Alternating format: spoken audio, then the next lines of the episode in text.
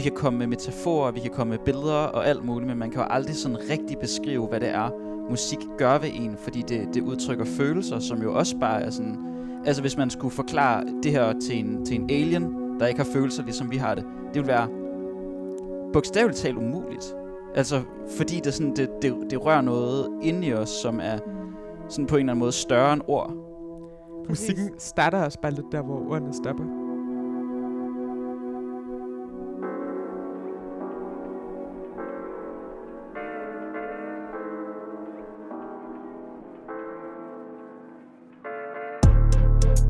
Det her er Forstærket med Maria Bylov.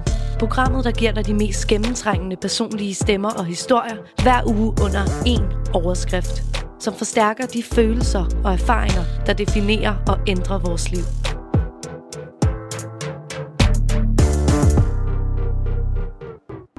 Jeg sidder her nede i, i jeres øh, hvad hedder det, studie i Valby. Øh, Jonas Torstensen og Karl Emil Helt Hårder, du er 24. Og øh, I er jo to ud af i alt fire medlemmer af, af det her musikkollektiv, forladet Kornmod, øh, som producerer det, man vil kalde, eller det, som jo er ambient musik. Det, vi skal snakke om, det er jeres musik, øh, men vi skal også snakke om værdien af at lytte, at lytte til musikken og, og til verden og til hinanden. Altså, fordi det er særligt ved ambient musik, hvis man ikke øh, kender øh, så meget til det. Det kan I jo også selv få lov at fortælle lidt mere om, men det er jo, at I sætter jo ligesom lyd til verden på en måde, altså skaber rum. Der er jo lige, lige nu det, det her værk på Ophelia Plads. Jeg ved ikke, om I har været forbi at se det, men der er det, det her store værk, der hedder Understanding, som øh, Martin Creed har lavet, som Roskilde Festival står bag. Og det fik mig til at tænke på, da jeg ligesom kom forbi her, det her med, okay, hvad er, hvad vil understanding sige? Altså, tit og ofte så snakker man jo om, at, hvad, hvad kan man sige, hvordan vi skal forstå hinanden som mennesker ved at, ved, ved at kommunikere. Men nogle gange kan det sgu også godt være bare at holde sin kæft og lytte. Det her med netop at, at lave lyd til og om verden, det er jo noget, som I to er en form for eksperter i. øh, og, og jeg tænker, at, øh, at, at, at, at, I kan lige kan, at I kan få lov at, at introducere jer selv. Jeg hedder Jonas Thorstensen, og jeg øhm, laver musik, og øhm, er jo en del af Kornmod, som er et musikskabelses- og musikudgivelseskollektiv. Og så øhm, laver jeg radio øhm, om musik også. Og hvad med dig, Kalmin? Det, jeg kan nærmest kopiere det, Jonas sagde. Altså, jeg, jeg laver musik og er en del af Kornmod, udgiver selv musik på Kornmod og hjælper med diverse andre udgivelser. Ja, vi laver radio sammen, og jamen, så er vi også begge to ved at uddanne os til organister, er også værd at nævne. Ja. så I, I er faktisk praktisk talt det samme menneske? Langt hen ad vejen. Ja, langt hen ad vejen. der er, og der er lige otte år imellem os. Der er lige otte år imellem os. Men, men ellers ja. så er det sådan... Men udover det. Så Ja, det fordi, langt. men, men hvordan møder man så hinanden? Fordi I er jo stadigvæk I er jo relativt unge, øh, begge to. Fordi hvordan, hvordan møder man hinanden, når der er otte år, otte år til forskel? Fordi tit, så er det jo måske nogen på ens egen alder eller årgang, man, man kommer i kontakt med. Ligesom man bliver venner med.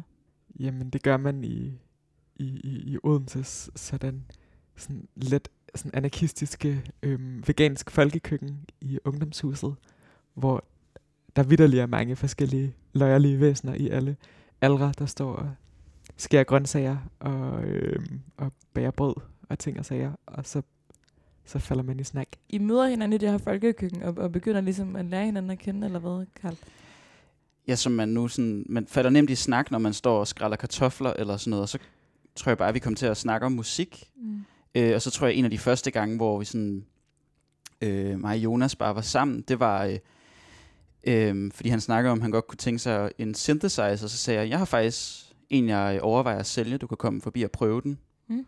Øh, og så gav jeg ham en kop kaffe, og han prøvede synthesizeren, og Gud ja, ja. endte med at købe den. Og, Ja, ja og Ja. så var vi... Øhm, Var det første gang, du brugte en, en uh, synthesizer? ej, jeg havde prøvet lidt før, men det var den første sådan optur synthesizer, jeg prøvede, kan jeg huske.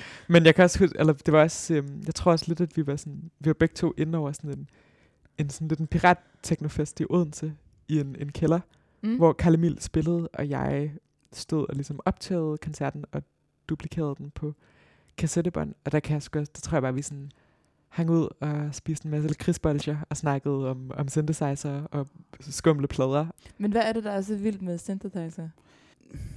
Det der er med synthesizer, øh, der, der er flere ting. Mm. Du kan, du kan sekvensere dem, altså på den måde, du i stedet for at du skal sidde med en guitar eller trommer eller whatever, så kan du øh, få en computer til at spille instrumentet på en måde, så du kan du behøver ikke overhovedet kunne spille på tangenter for at bruge en synthesizer. Så imens den spiller, hvad du nu har sat den til at spille, så kan du ændre lyden over tid, eller du kan bare holde nogle toner inde, og så ligesom øh, skabe, skabe lyden. Øh, og det, det er instrumenter, som sådan vidderligt kan bruges i alle musikgenre på 120.000 forskellige måder. Men også lidt på alle niveauer, ikke? Altså jeg tror, Ja. at, at det der ligesom, det vi også mødtes omkring, eller sådan, jeg, jeg sang, jeg var lille, og så blev, Mm. gik min stemme i, i overgang, og jeg blev mistet lidt sådan Mm. kontakten til den, og stoppede med at synge. Og så var jeg egentlig ikke super sådan teknisk, musikalsk mm. vidne, men så var det også lidt det der med sådan, når så sådan kan man få et eller andet meget simpelt til at spille, og så dreje på nogle knapper, og så ændre lyden sig. Og sådan, det var også meget sådan, synthesizer fordrer også en meget sådan lejende, og ikke nødvendigvis super teknisk tilgang. Og jeg tror også, det var noget af det, som vi ligesom mødtes omkring tilbage i, i tidernes morgen.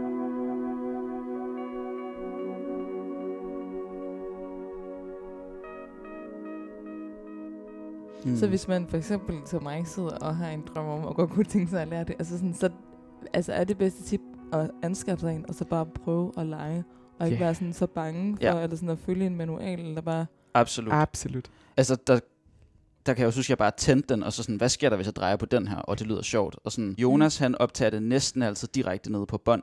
Jeg har Altså, så- nærmest aldrig, kun en kort periode, men stort set aldrig optaget ting øh, digitalt. Mm. Altså, Okay. Jeg har altid bare på, på båndoptager. Du bruger lidt mere computer end, Ja. end jeg, ikke? Men altså sådan, ja, så det er jo, synthesizeren skaber lyden, og så er det jo, kan man sige, op til en selv, hvor meget man redigerer i det bagefter. Altså Mhm. jeg tror, det er egentlig også noget, som sådan, vi nok begge to arbejder lidt med, er sådan at lave musik, som benytter, benytter sig af en sådan nogenlunde begrænset sådan efterredigeringsproces. Ikke? Mhm. Eller sådan. Det fordrer synthesizer også til det. Men Mm. hvorfor kan I godt lide det? Øh, jeg tror, jeg synes, det er sjovt at lave musik, men jeg tror ikke, jeg synes, det er sjovt at sidde og sådan klippe, klistre i ting. Jeg føler, at sådan, det at spille musik er sådan et, et moment i sin egen ret, og hvis jeg kan lade det være, uden at skulle sådan pille for meget ved det bagefter, så står det også mere rent i min bevidsthed. Og det er egentlig også mestendels derfor, jeg mest optager på bånd, fordi der er redigeringsmulighederne ret, ret begrænsede, og det tvinger man til ligesom at forholde mig til sådan, jeg har lavet det her, og det får lov at stå Mm. i sin renhed. Eller sådan. Mm. Det giver jo god mening, men det er jo vel også på en eller anden måde at tvinge det, man sige, det er umiddelbare. Eller Ja. hvad? Absolut. Det, nu skal vi jo høre noget af al den her musik, som vi snakker om. Øh, og jeg har bedt jer om at, øh, at vælge nogle tracks, nogle numre. Og øh, jeg har valgt fire numre, øh, ja. som vi skal høre. Og øh, det første, det hedder øh, En Winter med øh, Julie Bo. Og jeg ved, at det stammer fra den allerførste udgivelse, som I nogensinde udgav. Har I ikke lyst til at fortælle lidt om den? Jo, Det tror jeg, der er Jonas. det er mig. Det, jamen, det er sådan... Øhm, altså, jeg havde... Øhm, da Kornmod startede, havde jeg været involveret i et andet label tidligere, der var kollapset under et sådan bjerg af sådan ungdomssløvsinde og kaos. Øhm, og var ligesom skulle lidt sådan starte forfra. Mm. Og jeg havde øhm, i noget tid ligesom kendt til den her sådan lidt øh, mystiske, sådan ret legendariske danske plade fra 2009, som er lavet af en Julie Bo. Øhm, og jeg havde også i et stykke tid prøvet at finde frem til personen bag pladen. Og Mm. det viste sig at være en ret bøvlet sag, da den er udgivet under sådan semi-falsk navn, eller i hvert fald falsk efternavn. Ah. Øhm, men, men det var ligesom... Øhm, Og der er mange, der hedder Julie i Danmark. Ja, lige netop. Og sådan, det, var, det var sgu bare lidt, og folk var sådan lidt hemmelighedsfulde, når man ligesom spurgte ind til den her udgivelse. Og sådan. Men der var ligesom, Nå, hvorfor det? øhm, ja, det jeg tror der er en vis værdi at stå forholdsvis anonymt som kunstner og lade musikken tale på egen hånd. Mm. Men sådan, jeg begyndte ligesom at finde frem til ting, og det var lige der omkring, hvor vi ligesom begyndte at, at hænge ud, Karl Emil. Og Jeg tror, du lidt sådan, øh, blev sådan grebet af sådan skattejagten på en eller anden måde, at finde frem til, hvem der ligesom var bag den her virkelig fine plade. Og så mm. lykkedes det, og jeg øhm, tog op og mødtes med hende, der har lavet pladen i, i Helsingør en, en regnfuld søndag i foråret 2019, Mm. og var, sådan, var lidt sådan enten af det her helt vildt øhm, epokegørende, eller er det en sådan rimelig seriøs øh, børnelokkerfælde. men, men jeg tog ligesom derop og sådan snakkede med Hvor hende. og gammel var du der? Der var jeg været 15, 16, 15, 15. Nej, du har vel været 14?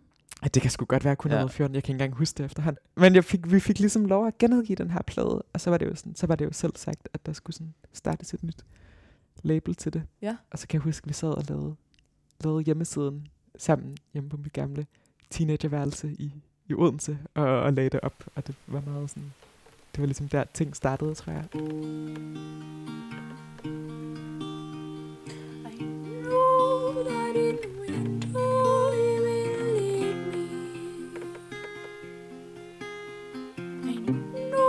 that in summer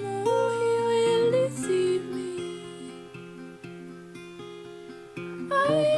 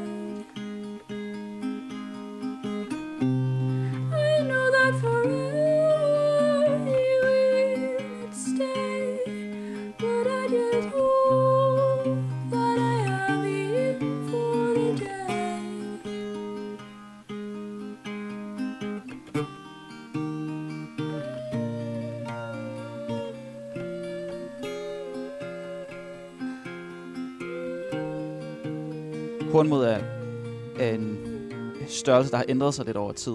Mm. Øh, fordi først så var det sådan lidt, jeg var, altså jeg var Jonas' øh, hjælper. Ja. Øh, altså Jonas er jo blind, det, det er slet ikke blevet nævnt på noget tidspunkt. Så jeg hjalp, hjalp Jonas med alt muligt. Mm. Øhm, og, og så hjalp jeg også ja, med at sætte den her hjemmeside op. Og sådan, men det var stadig sådan mest Jonas' projekt på en eller anden måde. Eller sådan, Mm. jeg vidste, Ja.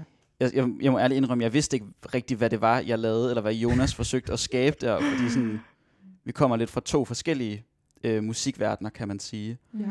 Og så på et tidspunkt ændrede kun sig så til at være mere i sådan en kollektiv størrelse. Ja, hvor Ja. du også blev medskabende i højere grad. og Ja, der ligesom præcis. Sådan, kom også nogle nye folk med, men det var sådan en ret, det var sådan en ret løbende proces. Ja. Der i starten var det netop meget sådan, du var ligesom hjælp med ret mange sådan praktiske ting, men i virkeligheden var det mig, der ligesom var sådan, havde sådan lidt et, et, et, et overblik, tror jeg, eller sådan, som, Mm. som jeg husker det. Men sådan, det var også bare en enormt, enormt sådan flydende proces. Eller Jamen, sådan. Ja, fordi nu taler vi lidt omkring altså selve sådan skabelsen af, hvordan I sådan rent teknisk sådan laver musikken, ikke? Men altså, øh, forladet Kornmod, så som, som øh, jo er navnet her på jeres musikkollektiv, altså sådan, hvordan fungerer det i forhold til jeres udgivelser? Fordi I har den her ligesom hjemmeside, øh, men, men, men, men det fungerer også sådan, at folk ligesom henvender sig til jer. Ja, altså sådan, det er jo det er lidt, det er lidt blandet, ikke? Altså Mm. nogle gange, ofte, at de ting, der udkommer jo egentlig også selv Mm. fra kollektivet, os fire, der ligesom driver det Mm. under forskellige navne, under forskellige aliaser og i forskellige kombinationer. Og så er der også nogle gange folk, vi kontakter, og sådan, hey, vi synes, du laver nogle spændende ting, må vi udgive noget af din musik? Eller folk, der sender ting til os på en eller anden måde. Ikke? Altså det varierer egentlig rimelig meget. Mm. Og så lytter vi jo ligesom til det, og vurdere med vort, vort kritiske blik, om, Mm. om det kan komme ud. Ja, ja, klart. Men hvordan sådan, altså, øhm, øhm, altså, hvordan kommer det ud i verden? Eller sådan, fordi med mindre man jo sådan kender til jeres, altså til jeres hjemmeside, eller sådan, hvordan, hvordan, hvordan får folk øje på jer?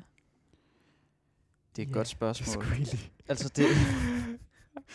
øhm, jamen, undergrundsmusikmiljøet er en, en mærkelig størrelse. Altså, Jeg tror, det er meget forbundet ved, at man kan sige, det vi jo ligesom egentlig helt konkret gør, er jo ligesom, vi laver typisk udgivelserne på bånd, Mm. og sådan får musikken tilsendt, og i dialog med kunstneren laver noget, noget artwork til Mm. udgivelsen, og så trykker vi ligesom båndene hernede i vores studie. Mm. Og så lægger vi det op på hjemmesiden, og så sker der det super, super underlige, at der er nogle mennesker i den anden ende, der, der lytter til det og finder frem til det. Øhm, Men og, hvad, hvad, hvad, hvad, er folks typ, altså, hvad er typisk folks reaktioner, når de finder frem? Altså, Det er svært at sige, fordi det er jo egentlig faktisk på en eller anden måde begrænset kontakt, vi har med de folk. Altså, der, Ja. der er Mm. ligesom folk, der køber båndene og sender til dem, men det er jo også, altså jeg tror, det skal forstås i konteksten af sådan en, mm. en kassettebånds undergrundsscene, som ligesom er rigtig forankret i, at man ligesom holder øje med hinandens labels, og så hvis der er en kunstner, der har udgivet på forskellige små labels, så finder man lidt sådan frem til hinandens ved en masse detektivarbejde. Ja. Og sådan. Jamen det er Det er fordi jeg skal sige, den der historie, sådan, altså den der, der er sådan en mystik over det på en eller anden måde, så jeg helt Ja. godt kan lide. øhm, altså det, jeg tror også, altså i, i det miljø, vi befinder os i, der er, sådan, der er halvdelen af dem, der lytter, også øh, selv musikere, skaber også selv musik. Altså Mhm. det er sådan, så det er forkert at kalde det et lukket miljø, fordi det er på ingen måde lukket, men det er ligesom, det er meget sådan internt miljø. Altså, Mm. Altså, vi, vi kender også til 10 andre øh, københavnske labels, der sådan på en eller anden, en eller anden vag måde minder lidt om os, og, sådan, og så holder vi øje med dem, og de holder øje med os. Og, Ja. Ja. og så er det klart, at nogle gange så øh, bliver der sat koncerter op, hvor, hvor de labels, eller kunstnere på de labels, får kontaktflade med nogle andre miljøer på en eller anden måde, men det er sådan... Mm. Det er sådan et lille økosystem. Ja. Altså Ja. sådan, og det er også, jeg tror også rigtig meget, at det foregår over vores hjemmeside, er jo et, det, der hedder et Bandcamp-website, hvor Mm. Bandcamp er ligesom sådan et, et, et altern, en alternativ streamingtjeneste, føler jeg nærmest, man kan kalde det, hvor, Mm. hvor musik ligger tilgængeligt, men hvor labelsene ligesom selv lægger det op, og der er også nogle ting rent økonomisk, at det ligesom labelsene får størstedelen af pengene, i stedet for ved Spotify, hvor det Spotify, der Ja, tjener meget klart. på det. Og, sådan. og det er ligesom, der er ligesom de her sådan tag-systemer på Bandcamp, hvor man tagger ting, Copenhagen for eksempel. Mm. Og så er der folk, som ligesom kan søge, om jeg vil gerne se nyeste kassettebåndudgivelser Mm. med tagget Copenhagen. Og så ryger de jo lidt ned i et, et, et hul af sådan københavnske båndlabels for eksempel. Ikke? Og, sådan, og jeg tror også lidt, at, at det, eller der har jeg i hvert fald selv opdaget meget musik. Og sådan, jeg tror, det bevæger sig også meget gennem sådan, de systemer på en eller anden måde.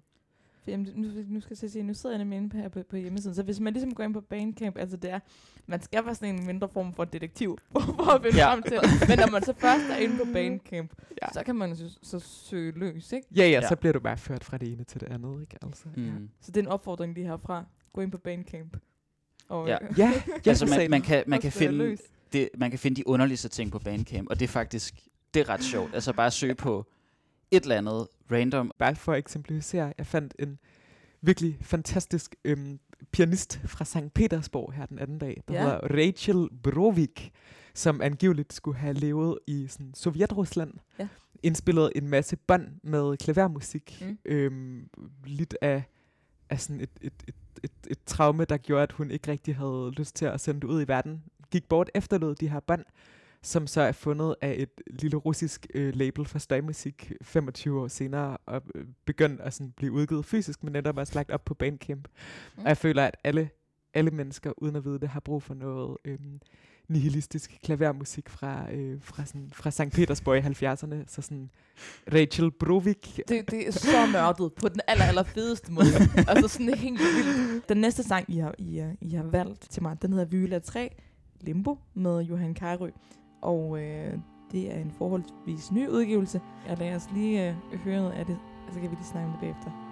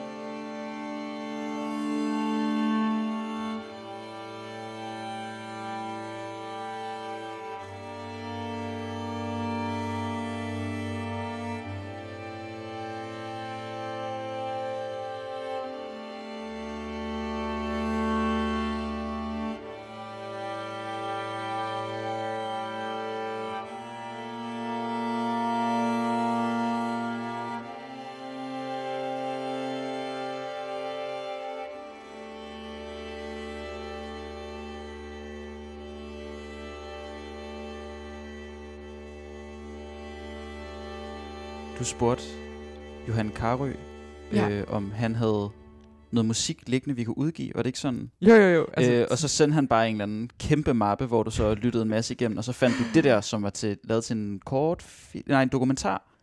Det er lavet til en dokumentar, der handler om kvantefysik, der hedder When You Look Away fra 2017. Fedt. Jeg, jeg ved ikke mere end det, men, men det er også ret sejt i sig selv. Ja. Ja, det- det, det er ret sejt. Det er nok på Det en kan man anden godt på en... Ja, okay. ja, ja, ja. Og så blev jeg sat til at masterere det, som kort sagt er, at man lige sådan lige skruer lidt op og ned for nogle ting i det, eller giver det lidt mere rumklang, eller sådan noget. Bare sådan Mm. pusser det op på en eller anden måde. Ja. Ja. Ja, altså det er jo sådan, det er jo, øh, altså det er jo en strygerkvartet, der hedder Halvcirkel, der fremfører det. Mm. Og det er jo, altså jeg tror, det er også det, jeg ligesom synes er virkelig flot ved det her bånd, at det er jo, jamen det er jo klassisk strygerkvartetmusik, og det ligger lidt fra måske de ting, vi normalt udgiver, og samtidig føler jeg, at det bærer sådan en kunmød æstetik Mm. og stemning i virkelig høj grad.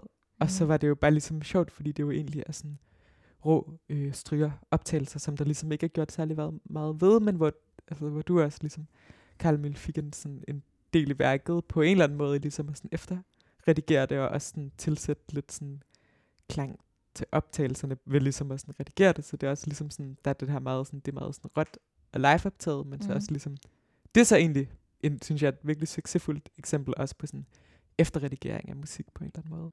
Hvad for nogle billeder får I selv i hovedet, når I hører det?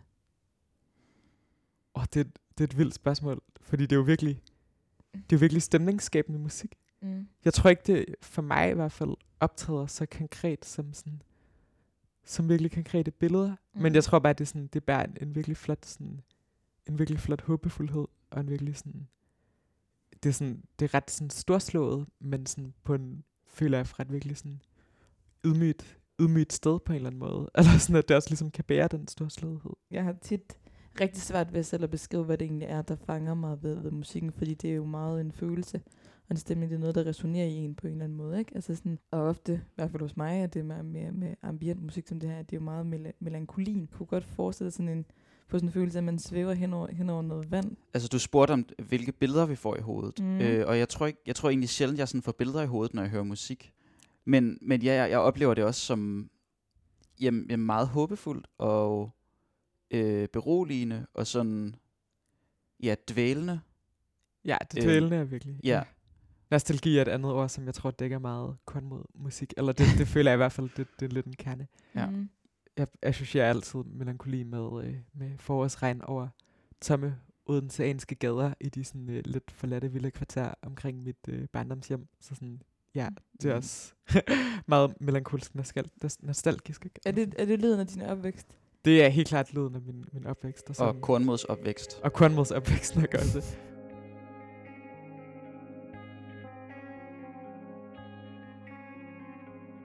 Hvorfor synes I egentlig, at den her altså, musik er vigtig? Eller sådan, hvordan har den her musik egentlig sådan sin berettigelse i verden? Altså, hvorfor er, den, altså, hvorfor er den... Hvorfor er den betydningsfuld for jer? Altså, hvorfor er, den, hvorfor er den vigtig? Hvad er det, man kan kommunikere med det her? spørgsmålet om sådan, eller musik er sådan, er sådan empatiske udtryk for, for menneskers for menneskers tanker og følelser. Musik er en, en måde at sådan udveksle, udveksle empati, føler jeg. Og jeg føler, at, at al musik, der, sådan, der har en, sådan, en emotionalitet i sig, er, er relevant som et, sådan, et sådan udgangspunkt for en, en medmenneskelighed. Eller sådan. Hvad er det, I føler, man kan kommunikere med den her slags musik, som man ikke kan med noget andet? Altså, jeg tror, jeg tror, det er sundt for rigtig, rigtig mange mennesker at øh, lytte til ambient. Øh, af samme grund, som jeg tror, at den her lockdown er sund for rigtig mange mennesker, fordi den tvinger os til at sætte os ned og, og forholde os til os selv og det, der sker rundt om os. Fordi du, sådan, du, får ikke, altså, du får sjældent med ambient sådan noget serveret sådan lige op i snotten. Altså, du skal på en eller anden måde selv sætte dig ned og, og, og finde det, der er, det, der er, er godt, eller det, der, det, der er fedt, og sådan finde øh, det, der resonerer med dig i, i det her på en måde. Og det, det tror jeg er rigtig sundt, og det er også derfor, jeg er gået over til sådan, øh, stort set kun at lytte til ambient, fordi jeg sådan, fordi jeg altid på en eller anden måde føler, at jeg sådan bearbejder noget, eller øh, lærer noget om mig selv, eller omverdenen og andre mennesker, er at lytte til det. Mm. Og så tror jeg også, hvis jeg må komme med en lille, lille tilføjelse, at Mm. det som det er ofte også bare som sådan den instrumentale musik, og nok især ambient musikken, men i virkeligheden nok nærmest al musik har i kvalitet, er også, at jeg føler også, at der er en enormt stor åbenhed i forhold til, hvad man kan få ud af det. Ellers nu har vi ligesom brugt en del tid på at sætte ord på, på Johannes musik, og sådan sat nogle virkelig forskellige ord, og nogle virkelig forskellige billeder, og nogle virkelig forskellige tanker på den Mm. musik. Og jeg føler også, at det er værd at sådan opretholde en enormt stor sådan, åbenhed i forhold til, at jeg tror, alle mennesker kan sådan, få forskellige ting ud af det her musik. Ja. Mm, selvfølgelig, men nu, nu, nu- er jeg jo også den, der sidder her og tvinger til at putte nogle ord på det, fordi jeg, jeg, jeg er med på, fordi det, det er jo også meget sådan kunstneren, du ved ikke, altså sådan, og øh, musikernes, øh, altså, har jo også lyst til, at det selvfølgelig er til fri fortolkning, ikke? og det jo netop er, er super subjektivt, hvad man, hvad man nogle gange kan, kan få ud af det, men du skal ligesom grave dybere ind i netop at finde ud af, okay, hvad er det for et stykke, eller hvor er det, ja, altså hvad er det for en, en eller anden rejse, man kommer på, når man lytter øh, til noget, altså når man, om man så bruger det til at bearbejde ting i sit liv, eller, eller hvad det er. Jeg synes, at kunne høre på, på det, du siger, det er Mhm. også sådan, til dels, og nu må du øh, må jeg undskylde, hvis mit, det jeg siger, mit gæt er for våget, men at det også til dels har sådan udfordret dig egentlig, og sådan lytte til det. Meget. Okay, det synes jeg er virkelig spændende. Øh, nu lå jeg jo, altså jeg ved ikke, om det er udfordrende, men det er, det er udfordrende for mig at sætte ord på, og det er jo det, jeg tvinger jer til. så det er super, altså, det er jo super strengt. Men, øh, men jeg lå på min sofa i går aftes og, og, og lyttede de her sange, inden vi ligesom skulle mødes, og jeg tror sådan, jeg lader det ligesom bare skylle ind. Jeg vil ikke sige, jeg tror ikke, øh, jeg vil ikke sige, det er udfordrende, men jeg har men det er udfordrende for mig at klart at beskrive, hvad det er. Øh, Mm. det, det vækker i mig, fordi det er sådan, det er bare sådan en følelse af sådan, at, at, at sjælen bliver balsameret på en eller anden måde. Nå. altså sådan, at man bliver bare Ej. pakket ind i sådan en, Ja, i sådan et uh, tæppe af sådan en silke eller et eller andet. Og kan jeg så godt genkende. Altså. ja, Jamen, det er virkelig specielt den udgivelse, det er virkelig silke. Det, det er helt rigtigt ord, altså. ja. Men det er også, jeg synes også, vi, sådan, vi rammer, vi støder ligesom op mod noget her, som, som er vildt interessant ved at sætte ord på musik helt generelt. Det er sådan, altså vi kan kun, vi kan komme med metaforer, vi kan komme med billeder og alt muligt, men man kan jo aldrig sådan rigtig beskrive, hvad det er, musik gør ved en, fordi det, det udtrykker følelser, som jo også bare er sådan, altså hvis man skulle forklare det her til en, til en alien, der ikke har følelser, ligesom vi har det, det vil være bogstaveligt talt umuligt. Mm, Altså, fordi det, sådan, det, det, det rører noget inde i os, som er mm. sådan på en eller anden måde større end ord. Præcis. Musikken starter også bare lidt der, hvor ordene stopper, for Ja. mig i hvert fald.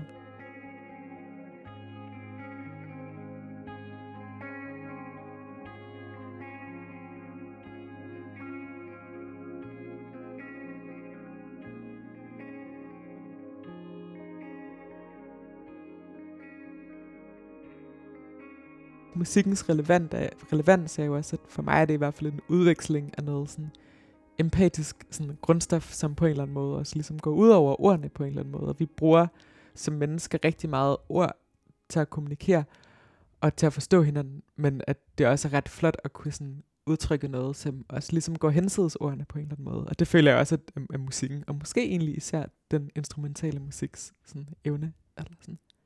Altså hvis man er i stand til det, så er man så, så er, bliver det lidt sådan en larger than life, ikke? Altså det bliver sådan en forlængelse af, hvem, altså, hvad kan man sige, vores, vores kødelige og jo, øh, hvad kan man sige, vores fysiske læme på en eller anden måde. Nu bliver det meget stort, men sådan, Jeg er så men, klar men, på det her. Men, men, Nå, men er det ikke rigtigt? Altså sådan på en eller anden måde, at man ligesom, det kan være sådan lidt ud af kroppen-agtigt. Det er i hvert fald et noget sundere drug end, uh, end sige, ecstasy eller whatever. Men altså sådan, at du, du kan ligesom forlænge dig selv på en eller anden måde, eller hvad? Og nu, nu rammer vi lige en af mine kæpheste her, det må jeg undskylde, men Nej, det er jo også evnen til at sætte, lave, lave ting, som går ud over sproget, evnen til at skabe musik er ikke forbeholdt de få. Alle mennesker kan lave rørende musik. Det er virkelig, det tror jeg virkelig på. Hvorfor Og- er det din kæphest? Undskyld, jeg afbrød. Nå, men fordi at, at jeg føler ofte, at man bliver præsenteret med, med musik skabelsen som en sådan lidt en, en sådan elitær ting, som knytter sig til nogle bestemte tekniske evner, eller et bestemt udgangspunkt i at have nogle bestemte instrumenter, og Mm.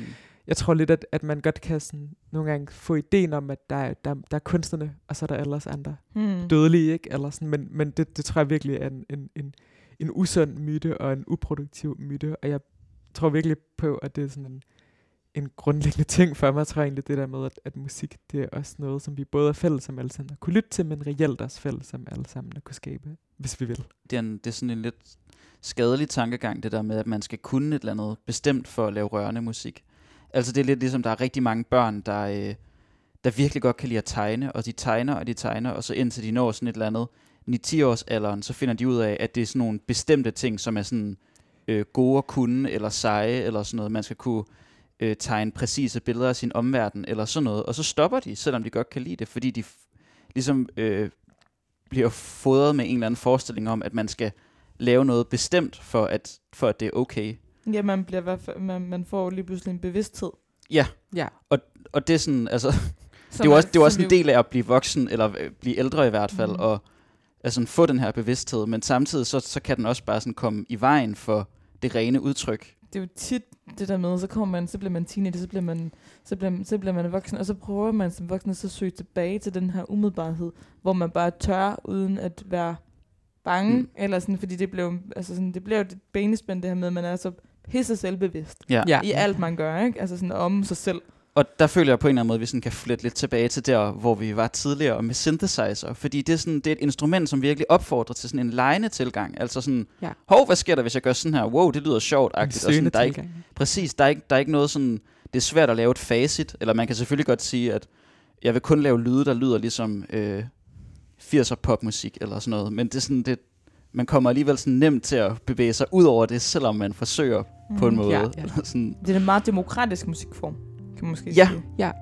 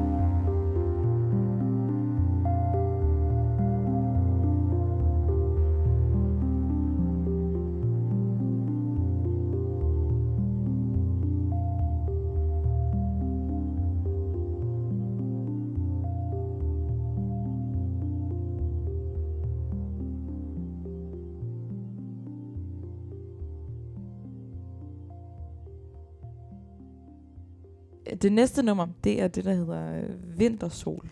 Og øh, det tænker jeg, at du skal fortælle noget om, Karl Emil. Fordi det er, det er dit, i hvert fald. Ja, Mm. øhm, det, det, det, det er på mange måder svært at sætte, sætte ord på det. Jeg Mm. tror, det, det er et nummer, som kom et rigtig rent sted fra mig. Mig og Jonas ville blive enige om at lave et øh, split-kassette, altså som er, at man laver en sidevær på et kassettebånd. Ja, vi bestilte et bånd, der havde øh, forskellige farver på hver side, og, sådan, og så, så en eller anden dag, så det var et par dage, inden vi skulle til at spille, spille, øh, spille det over på båndene, og sådan, der, var, der var under en uge til det skulle udgives, og sådan, jeg havde, jeg havde bare en skitse liggende, og så kan jeg huske, at jeg bare sådan, satte mig ned en eller anden dag, hvor jeg var øh, særlig emotionel og i kontakt med, jeg aner det ikke, og så fandt jeg ligesom bare den der skitse, og det kunne have været hvilken som helst skitse på en eller anden måde, altså sådan, det var, det var faktisk ikke så vigtigt. Øhm, øh, men jeg, jeg satte mig ned med den på, på mit værelse, og, og så kunne jeg ligesom sådan høre, at den lyd, jeg havde lavet på min synth, den passede ikke helt til, og så, og så lavede jeg en ny, og øh, det kom bare sådan, ja, det, det var som om det bare sådan kom op fra, øh, fra dybderne af, af mig på en eller anden måde, sådan, øh, det, der, det der kom ud af det, og så, det, så inspirationen er sådan, nu kan jeg sige, nærmest taget ud for din egen sådan Ja. ja. mave indvolde-agtigt. Ja, altså, og det føler jeg, det føler jeg, altså Mellow Ginger hedder det projekt der, det føler jeg sådan, det, det er ligesom det, er det reneste øh, mig øh, på en eller anden måde. Altså det er sådan, det, ja, Det er Jeg- også meget sårbart på en eller anden det er måde. super sårbart. Altså jeg føler, jeg, jeg føler, jeg giver et stykke væk af mig selv, eller sådan, Mm. øh, folk får lov til at læse min dagbog, eller sådan noget. Altså, Mm. øhm, Og is- især, is- nu har jeg også efterhånden lyttet til en, en, en del timer af sådan, dine eksperimenter med, med alskens lyd, og sådan det her nummer for, rammer for mig i hvert fald også bare som lytter en sådan helt sublim øh, sårbarhed, som er sådan øh, 50 procent sådan, øh, 50% sådan, øh, ambient musikkens sådan, øh, sådan kunstneriske sådan, dybder og spændvidde, og 50 procent sådan børne-MGP's sådan hjerte, hjerterenhed. eller sådan. Og vi har lidt sådan ting med børne-MGP. Det er sådan lidt altså, en, en intern reference. Så, så, men så sådan- MGP øh, i lørdags. nej, desværre. Nej, vi skal, vi skal streame det en ja, anden ja, dag. det burde vi virkelig.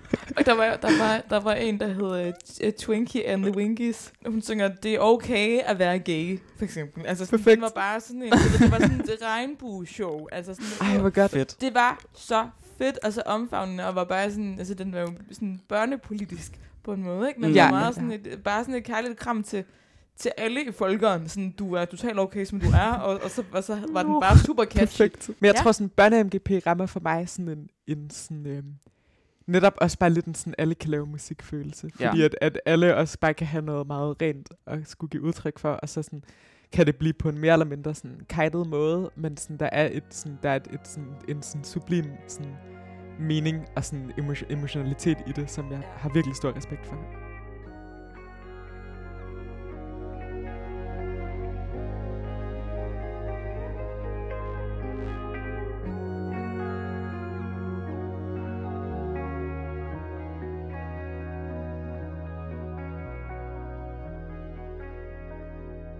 Det sidste nummer, det hedder øh, Forankring. Dagene bliver længere, og det tænkte jeg var rigtig fint at slutte på, fordi at nu er der meget toget i dag, men, øh, men temperaturen stiger Ja. stille og roligt, øh, og dagene bliver, vi er bevæget os ind i marts måned, øh, så dagene bliver jo øh, længere og længere.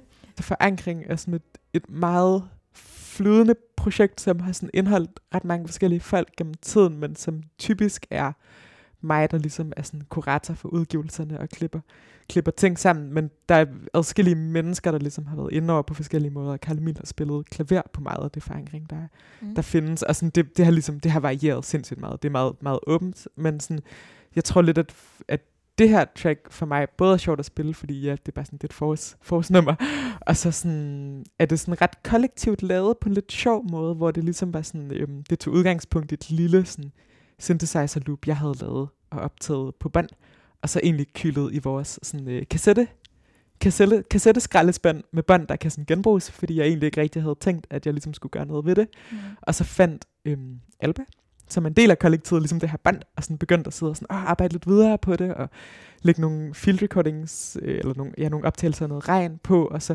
vores ven Jakob, som også er en del af labelet, øhm, endte med at spille noget saxofon på, og det voksede ligesom på sådan en ret sjov, kollektiv måde, og det var ligesom, jeg kan huske, vi lavede det, øhm, mens øhm, det var sådan op til et af de der rigtig nøjere øh, statsministerpressemøder i efteråret, der hvor sådan corona var rigtig, rigtig ubehageligt, så jeg kan huske, at jeg lå øhm, på tæppet på gulvet, pakket ind i sådan 15 tæpper, og havde det sådan pænt angstagtigt og prøvede at sove, mm. mens de andre ligesom sad og arbejdede videre på den her sådan, lidt, øh, sådan skitse, som jeg egentlig bare lidt havde sådan kyldet ud, altså sådan, mens vi sådan gik og hang ud omkring det og ventede på det her pressemøde, så, sådan, så dukkede der et sådan, måske lidt desperat håbefuldt, men dog stadig håbefuldt nummer op af sådan, af sådan fælles sådan sumpen på en eller anden måde. Eller sådan, ja, det er egentlig bare en, det er sgu egentlig bare den historie. Eller sådan. Det er jo også meget sigende på en eller anden måde for meget musik, der så er lavet her under corona. Ikke? Altså sådan, altså sådan, det kan virke som en pisse uinspirerende øh, hvad hedder det, periode. Ikke? Det her, fordi man bliver ikke, man, man oplever ikke så meget, så hvor, hvor skal en person komme fra? Den kommer fra maven, hvor det var sådan, men det hele kan blive lidt deprimerende,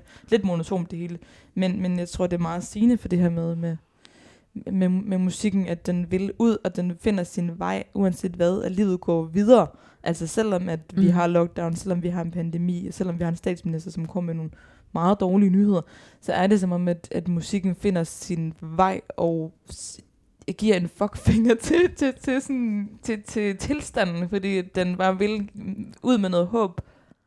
Ja, og sådan, der vil jeg måske også øhm, sige, at, at det også, synes jeg, er en virkelig dobbelt ting, fordi jeg føler både ting, at ting opstår i sådan i modstand, eller ikke i modstand, det er et forkert ord, men i, i, sådan, i kontrast til en lidt sådan, sådan ubærligt stillestående ja. verden til Mm. tider, men jeg føler også, at, at den tilstand, sådan lockdown tilstand, og den der også lidt sådan, der er ret meget sådan øh, magtesløshed, man kan sådan samle op ude i verden, så det handler også lidt om at holde sig sådan i gang med nogle meningsfulde ting, for ligesom at sådan, egentlig også bare kunne eksistere. Og det føler jeg, det føler jeg også fordrer nogle ret gode sådan, kunstnerisk skabelse agtige ting. Eller sådan. Altså Mm. personligt, så tror jeg, at min mest produktive måned i musik, det har været sidste marts. Ja, ja, altså, ja. øh, og det var, jo, det var jo der, landet lukkede ned første gang. Altså, jeg Mm. tror, jeg lavede 10 numre eller sådan noget. Ja. Altså sådan, og det var jo en vildt voldsom ting. Det med, at, at landet skulle lukke ned, og sådan, Mm. og jeg tror også, det var en måde at bearbejde øh, mine følelser. Jeg tror, det måske siger lidt om mit sådan, øhm, sådan småkogte forhold til sådan semi-apokalyptiske tilstande. Jeg tror sådan, under den første lockdown, der sådan, havde jeg to uger, hvor jeg havde det rigtig nøjeren, og ikke rigtig kunne lave musik, og bare sådan gik rundt og var forvirret og læste alt, alt, alt for mange nyheder hele tiden, mm. og sådan Mhm. virkelig ikke kunne, ikke kunne være i det. Mm. Og så er det som om, sådan, siden april sidste år, så har jeg sgu egentlig bare sådan hygget mig rimelig godt med det. altså jeg har sådan gået for mig selv, set de meget få mennesker, som egentlig er mine sådan virkelig Mm. nære venner, lavet sindssygt meget musik. Og sådan, jeg, jeg, jeg, havde jo, jeg gik i folkeskole stadigvæk under den sidste del af den første lockdown. Mm. Og jeg har sådan altid haft det lidt ambivalent med min skole, og været virkelig glad for mine lærere, men ikke haft det store sociale netværk til min klasse. Så det var jo sådan, min folkeskoletid, den, sådan, den peakede jo der i de der lockdown-måneder, fordi der var jeg bare derhjemme og gik og lavede ting og nice. hyggede mig og havde det så dejligt. Og det var forfærdeligt at komme tilbage i skole der den sidste Ej, måned. Det kunne jeg slet ikke overskue. Nej. Så sådan, jeg tror også, at lockdown inspirerer kunstnerisk, musikalsk på alle mulige måder, men også bare med enormt forskellige udgangspunkter og dermed enormt forskellige resultater. Men Hvor er det fedt, at I har det her sammen. Tusind tak, fordi I ville snakke med mig. Selvfølgelig. tak. det er da hyggeligt.